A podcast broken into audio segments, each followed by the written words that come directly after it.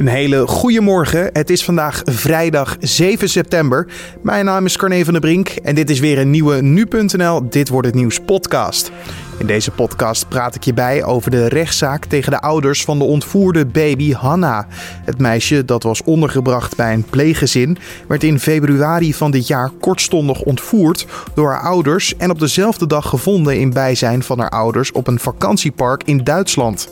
Alleen waar wilden ze naartoe gaan? Uh, daarnaast zegt het Openbaar Ministerie ook: zijn er opvallende zoektermen gevonden op de telefoon uh, van de moeder. Okay. Uh, daar stond bijvoorbeeld onder andere in van jeugdzorg Portugal, verhuizing naar Portugal, kosten leven in Portugal. En we nemen een kijkje achter de schermen bij de Willem-podcast. Het proces tegen Willem Holleder is deze week weer hervat. En dat betekent dat er ook vandaag weer een nieuwe De Willem-podcast gemaakt zal worden. Alleen, hoe gaat dat in zijn werk? Maar nu eerst kijken we kort naar het belangrijkste nieuws van afgelopen nacht. Het dodental op het noordelijke Japanse eiland Hokkaido, dat donderdag werd getroffen door een zware aardbeving, is opgelopen naar 16. Dit heeft de Japanse premier vrijdag gezegd in een verklaring. De autoriteiten melden daarnaast nog dat 26 personen worden vermist en een groot deel van het eiland zit zonder stroom.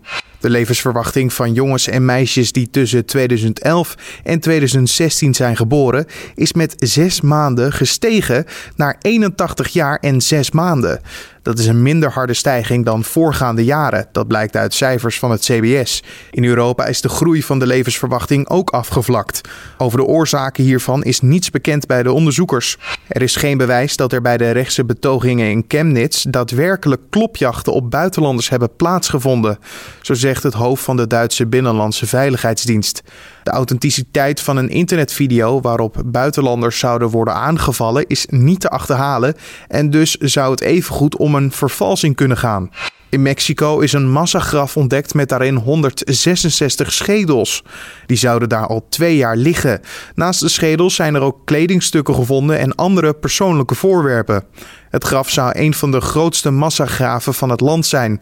En de autoriteiten vermoeden dat de slachtoffers door drugsgeweld om het leven zijn gekomen. En ze roepen mensen op die een familielid missen om DNA af te staan. Want in meer dan 100 gevallen zou op deze manier als slachtoffers zijn geïdentificeerd. En dan kijken we naar de dag van vandaag, oftewel dit wordt het nieuws. De rechtbank in Den Bosch start met de inhoudelijke behandeling in de zaak betreft de ontvoerde baby Hanna. Eind februari werd het meisje door haar eigen ouders met geweld ontvoerd bij haar pleegmoeder. Nog diezelfde dag konden de ouders worden opgepakt.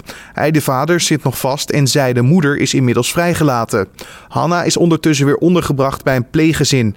Je kan wel zeggen dat het een spraakmakende zaak is. Daarom vroegen we rechtbankverslaggever Joris Peters waarom het meisje eigenlijk door haar eigen ouders werd ontvoerd. Uh, ja, dat is een goede vraag. Kijk, het, um, laten we het eerst gaan uh, uitgaan van het verhaal van de ouders zelf. En die spreken eigenlijk over, uh, over een wanhoopstaat. In ieder geval, dat is het verhaal van de vader. Van, ja. uh, ze hebben, hadden hun kind al een tijdje niet gezien. Hè? Het kindje is uit huis geplaatst uh, in oktober het jaar daarvoor. vanwege verdenking van, van de mishandeling. Um, en die vader wilde gewoon graag dat kind weer zien. En daarom deed hij wat hij deed, zegt hij zelf. Die moeder heeft iets ander verhaal. Zij zegt namelijk dat haar, de, haar toenmalige vriend, ze zijn inmiddels uit elkaar, vertelde dat hij contact had gehad met zijn advocaat.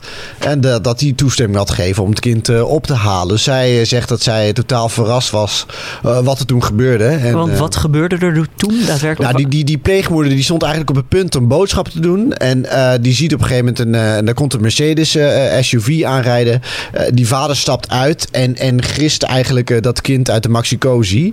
hij zou daarbij ook geweld hebben gebruikt. Niet tegen het kind, maar tegen die pleegmoeder. Hij zou er een klap tegen de borst hebben aangegeven. Dat ziet er bijna uit als een straatroof als je dat zou zien. Ja, dat was ook behoorlijk heftig. En daarom werd er, hè, er werd snel opgeschaald. Er werd de Amber Alert werd er uitgestuurd natuurlijk. Hè, want dit, dit was een behoorlijk heftig iets. En, uh, maar goed, ze konden vrij snel weer, uh, weer worden aangehouden in, in Duitsland. Ja, in ja. Duitsland. Wat was hun plan? Want de grens over, die willen wegkomen. Ja, die, nou, dat, is wel de, dat is wel de theorie van het Openbaar Ministerie. Ze hadden daar namelijk een, een huisje gehuurd op een vakantiepark in Bad Bentheim.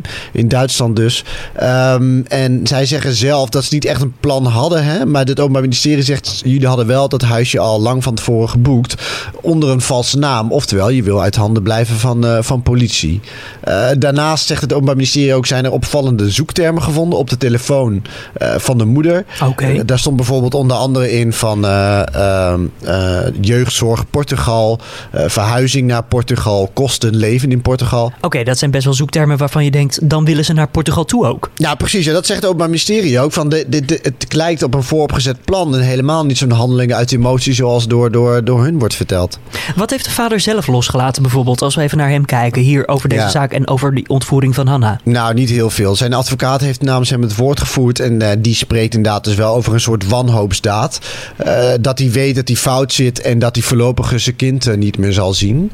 Ehm, maar goed, ze ontkennen dus van een, een, een vooropgezet plan. En de moeder die is dus vrijgelaten. Waarom dat dan? Nou, die moeder is eigenlijk... in eerste instantie werd ze niet vrijgelaten... met gerechtshof heeft, heeft uiteindelijk anders besloten.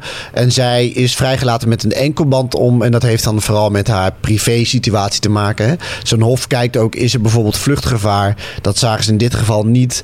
Uh, die moeder, de, die, het, kijk, die moeder kon weer bij haar moeder blijven. Dus ze heeft ook onderdak. Dat is altijd een belangrijk onderdeel.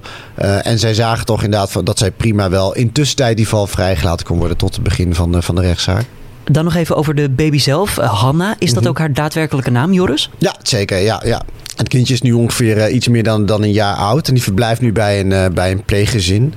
Uh, en ja, we, we, het is nu gewoon een zaak dat zij in een stabiele situatie zit. Dus haar biologische ouders mogen ook op, absoluut op geen enkele manier contact met haar hebben. En ook geen, geen poging ondernemen om te achter te komen waar zij is op dit moment. En een stabiele gezinssituatie, enig idee hoe ze dat willen creëren dan nu? Want er is wel media-aandacht. Ja, er is wel media-aandacht, maar niemand weet waar, waar, waar, dat, waar dat meisje verblijft. Uh, dus ja, weet je, kan je voorstellen, ze wordt eerst al in huis uit huis geplaatst in oktober vorig jaar. Uh, wegens zware mishandeling. Geval, ze heeft zulke verwondingen dat, dat men uitgaat van mishandeling. Dan komt ze bij een pleeggezin, wordt dan kortstondig ondervoerd door, ontvoerd door haar ouders. In ieder geval, dat is de verdenking. en dan nu, ja, dus, dan, dus ze willen nu gewoon dat meisje bij één gezin, geen invloed van buitenaf. En zo goed mogelijk, ja, stabiel leven. Wanneer is de strafhuis? Ja, die wordt dan gelijk vrijdag verwacht. Dus op de eerste inhoudelijke dag dan, uh, dan zal de strafhuis wordt, uh, ook worden geformuleerd. Joris Peters hoorde je, rechtbankverslaggever bij nu.nl, in gesprek met Julien Dom. Deze week staat toch wel in het teken van de hervatting van de strafzaak tegen Willem Holleder. Vandaag gaat de zaak tegen Holleder verder met de behandeling van de aanslag op Mierenmet in 2002 en zijn uiteindelijke liquidatie in 2005. Naast de hervatting van het proces staat natuurlijk ook de hervatting van de Willem-podcast op de agenda. De podcast wordt gemaakt door Harry Lensink en Marian Zij volgen al jaren het dossier van Holleder en kunnen er uren over praten. Alleen hoe kwamen ze op het idee om een podcast te maken en hoe bereiden ze zo'n podcast voor? Om op die vragen antwoorden te krijgen belde ik met Willem-podcastmaker Harry Lensink. Holleder wordt verdacht van betrokkenheid bij zes liquidaties in de Amsterdamse onderwereld. Onder wie die van Willem Enstra in 2004. Dat zou ik een tip van de sluier oplichten. Uh, als ik dingen niet wil beantwoorden, zal ik dat niet doen. En als ik ze beantwoord, zijn ze eerlijk. Ja, maar Jan Huske en ik uh, hebben jaren voor Vrij Nederland over georganiseerde misdaad geschreven. Vooral over Holleder. Um, en toen vorig jaar het uh, proces begon, um, toen hebben we tegen elkaar gezegd van... nou ja, weet je wat gaan we hiermee doen? Hebben we nog zin om weer te gaan schrijven of gaan we het anders aanpakken? We hebben zoveel kennis, daar willen we iets mee. En toen ontstond al snel het idee van een podcast. Laten we gewoon uh, het proces gaan volgen. En één keer in de week het moment nemen uh, om te kijken wat er is gebeurd. En dan kunnen wij met onze kennis die we hebben opgebouwd in al die jaren, kunnen we duiden wat er is gezegd. We kunnen er uh, met een bepaalde invalshoek naar kijken. We kunnen mensen uitnodigen uh, waarvan wij weten dat ze ook met de materie bekend zijn. Die er zinnige dingen over kunnen zeggen. Kortom, we gaan één keer in de week stilstaan bij wat er in de bunker gebeurt. En proberen daar een verdieping aan te geven. Wie had er baat bij de dood van Willem Enstra? Ik niet, zei Willem Frederik Holleder deze week. Toch wordt hij verdacht van de liquidatie op zijn vriend Enstra, de vastgoedman die op 17 mei 2004 werd doodgeschoten. Kan je ons meenemen in die voorbereiding voor zo'n podcast? Ja, nou, we, we, hebben veel parate kennis, maar je, moet het natuurlijk, je wilt een gestructureerd verhaal. Dus je kijkt allereerst, wat is het onderwerp dat deze week aan bod komt? Nou, uh, dat is deze week uh, de moord op Enstra. Uh, dan gaan we kijken, nou ja, wat weten we daarvan? wat zijn de interessante zaken die door het Openbaar Ministerie naar voren zijn gebracht. En wat gaat de verdediging daartegen inbrengen? Ja, en we zijn natuurlijk ook altijd wel op zoek naar ja, de juicy details, uh, spannende invalshoeken, uh, zaken die niet per se op zitting naar voren komen, waar, maar waarvan wij denken, ja, geïnteresseerde luisteraars die willen dat wel weten en dan, dan, staan we daarbij stil. Ja, en jullie volgen het dus al jaren. Die parate kennis is er. Maar is het allemaal nog wel overzichtelijk? Er is tenslotte al zoveel gebeurd in deze zaak. Nou, er is veel gebeurd, maar tegelijkertijd kan je zeggen, ja, het zijn vijf moorden. Um, dat, is een, eigenlijk, dat zegt de advocaat ook wel eens. Het is eigenlijk gewoon een moordzaak. Ja, vijf moorden, dat zijn wat meer dan één. Maar, eh, en die worden één voor één behandeld. Dus in dat opzicht zit er wel een overzicht in. Wat vrij uh, lastig te doorzien is. Het zijn zaken die jaren geleden hebben gespeeld, die een hele lange aanloop hebben gehad. En waar allerlei verwikkelingen in die onderwereld mee te maken hebben. Allerlei ruzies, uh, allerlei machtsverhoudingen. en ja, daar probeert daar moet de rechtbank iets van, van, van ja, de chocola van maken. Uh, ja, en daar proberen natuurlijk de andere partijen, het OM en de verdediging, hun eigen visie op te geven. En dat is best lastig. Ja, en dan gaat het ook nog eens een keer over ja, welke onderwerpen van welke rechtszaak wil je nou het, ja, het best behandelen. Uh, bijvoorbeeld het onderwerp uit zitting A en dan een onderwerp uit zitting B. Hoe weet je die perfecte mix te maken in, in de podcast? Nou ja, dat is een beetje gut feeling. Je weet natuurlijk ook wel wat, uh, wat, wat het publiek interessant vindt. Dat is toch ook vaak wel de dingen die we zelf interessant vinden. Um, dus, dus je kijkt wel naar een soort combinatie, een, een, een evenwicht tussen um, diepgang en uh, nou, ook spannende zaken. Misschien wat, wat meer entertainment. Uh, je wilt toch ook wel zorgen dat, dat het te behappen is. Hè, dat mensen begrijpen waar het over gaat. Dat je uitleg geeft op een simpele manier. Nou, en af en toe mag het ook best wat luchtiger zijn. We hebben ook een uitzending gehad over uh, de taal van Holleder. Nou ja, dat is, dat is dan. Uh, ja, daar zitten natuurlijk de nodige grappen en gollen in. Want hij staat bekend als een uh, virtuoos uh, Jordanees spreker. Dan pr praat hij toch iets formeler, zou je kunnen zeggen. Het formele Nederlands. En er is überhaupt wel goed in hoor, in dat formele Nederlands. Ik heb nog even wat nageluisterd in zijn beroemde college, college tour interview met Twan Huis. En dan zegt hij ook dingen als dat heeft geresulteerd in iets, nou ja, heel netjes, hè? keurige formele zin. Maar die hele en, en dat kwam uit op. Is het verder, zou het in Amsterdam zijn? Ja, dat is dan heel leuk om te maken. Maar ja, een week later gaat het weer gewoon over uh, koelbloedige moorden en uh, kille moorden. En dat is dan toch weer een heel ander verhaal. Ja, en jullie werk wordt uh, rijkelijk uh, ja, bekroond, laat ik het zo maar even zeggen. Deze week de Dutch Podcast Award voor beste nieuwspodcast hebben jullie gewonnen. Ja, ho hoe speciaal is dat voor jullie? Ja, nou, daar waren heel verbaasd. We moesten concurreren met, met, met, met, met toch uh, gerenommeerde podcastmakers uh, die, die ook meedongen naar die prijs. En dan is het superleuk dat je, dat je, dat je zo'n prijs wint. En dus erkenning van iets waar we dan nou, eerder dit jaar mee begonnen zijn.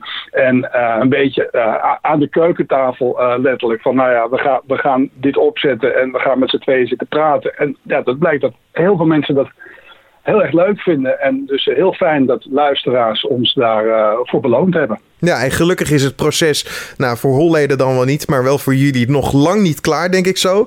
Zien jullie door de bomen het bos niet meer of uh, mag het nog veel langer duren, deze zaak? Nou, kijk, het is wel fijn als daar een keer een eind aan komt.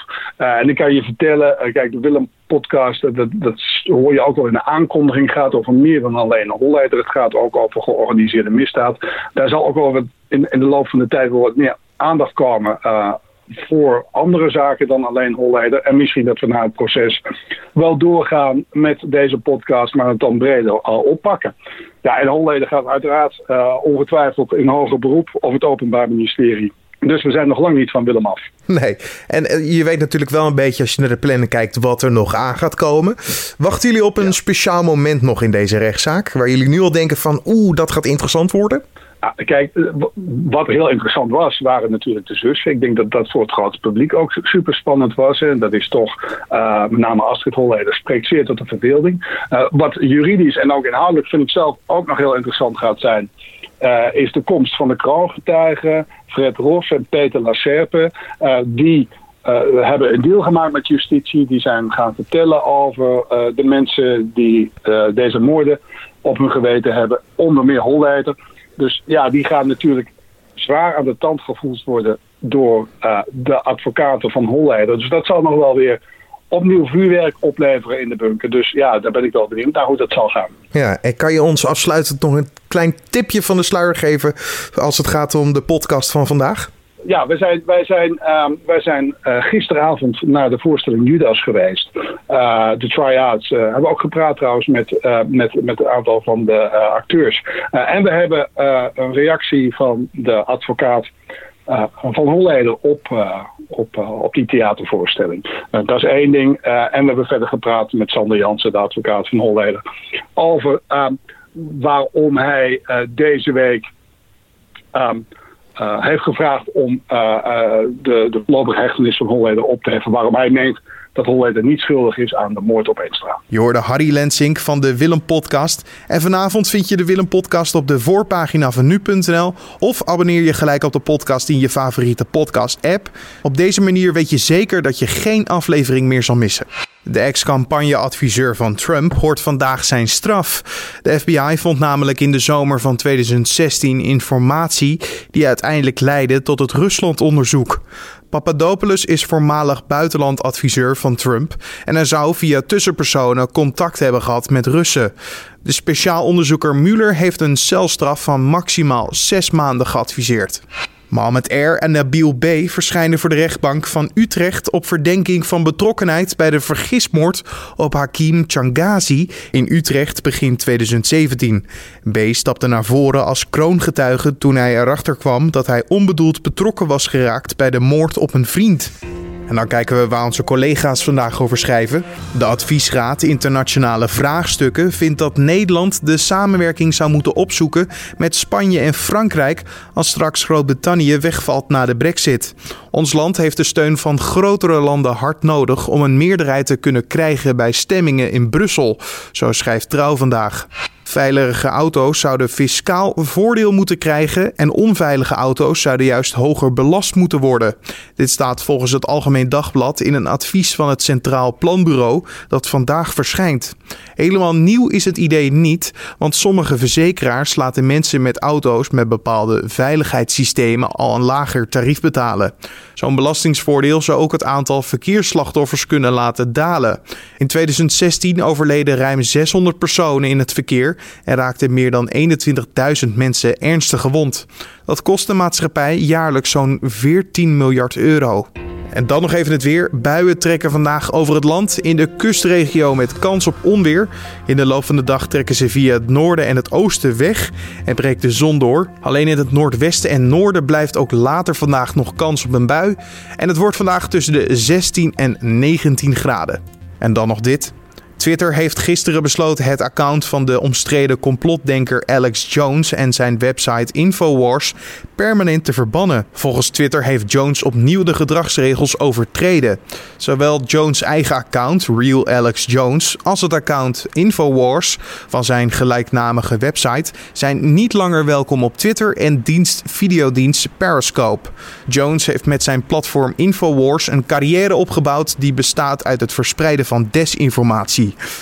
Hij beweerde onder meer dat de Amerikaanse overheid achter 9-11 zit en dat de dodelijke schietpartij bij de Sandy Hook basisschool in 2012 door de anti-wapenlobby is georganiseerd.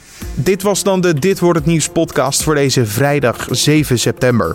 Je vindt de Dit wordt het nieuws podcast natuurlijk elke maandag tot en met vrijdag om 6 uur ochtends op nu.nl of natuurlijk via je favoriete podcast app. Laat ons weten wat je van deze podcast vond. Dat kan via een mailtje naar redactie.nu.nl of natuurlijk een recensie in iTunes. Mijn naam is Carne van der Brink en voor nu een fijn weekend en tot maandag.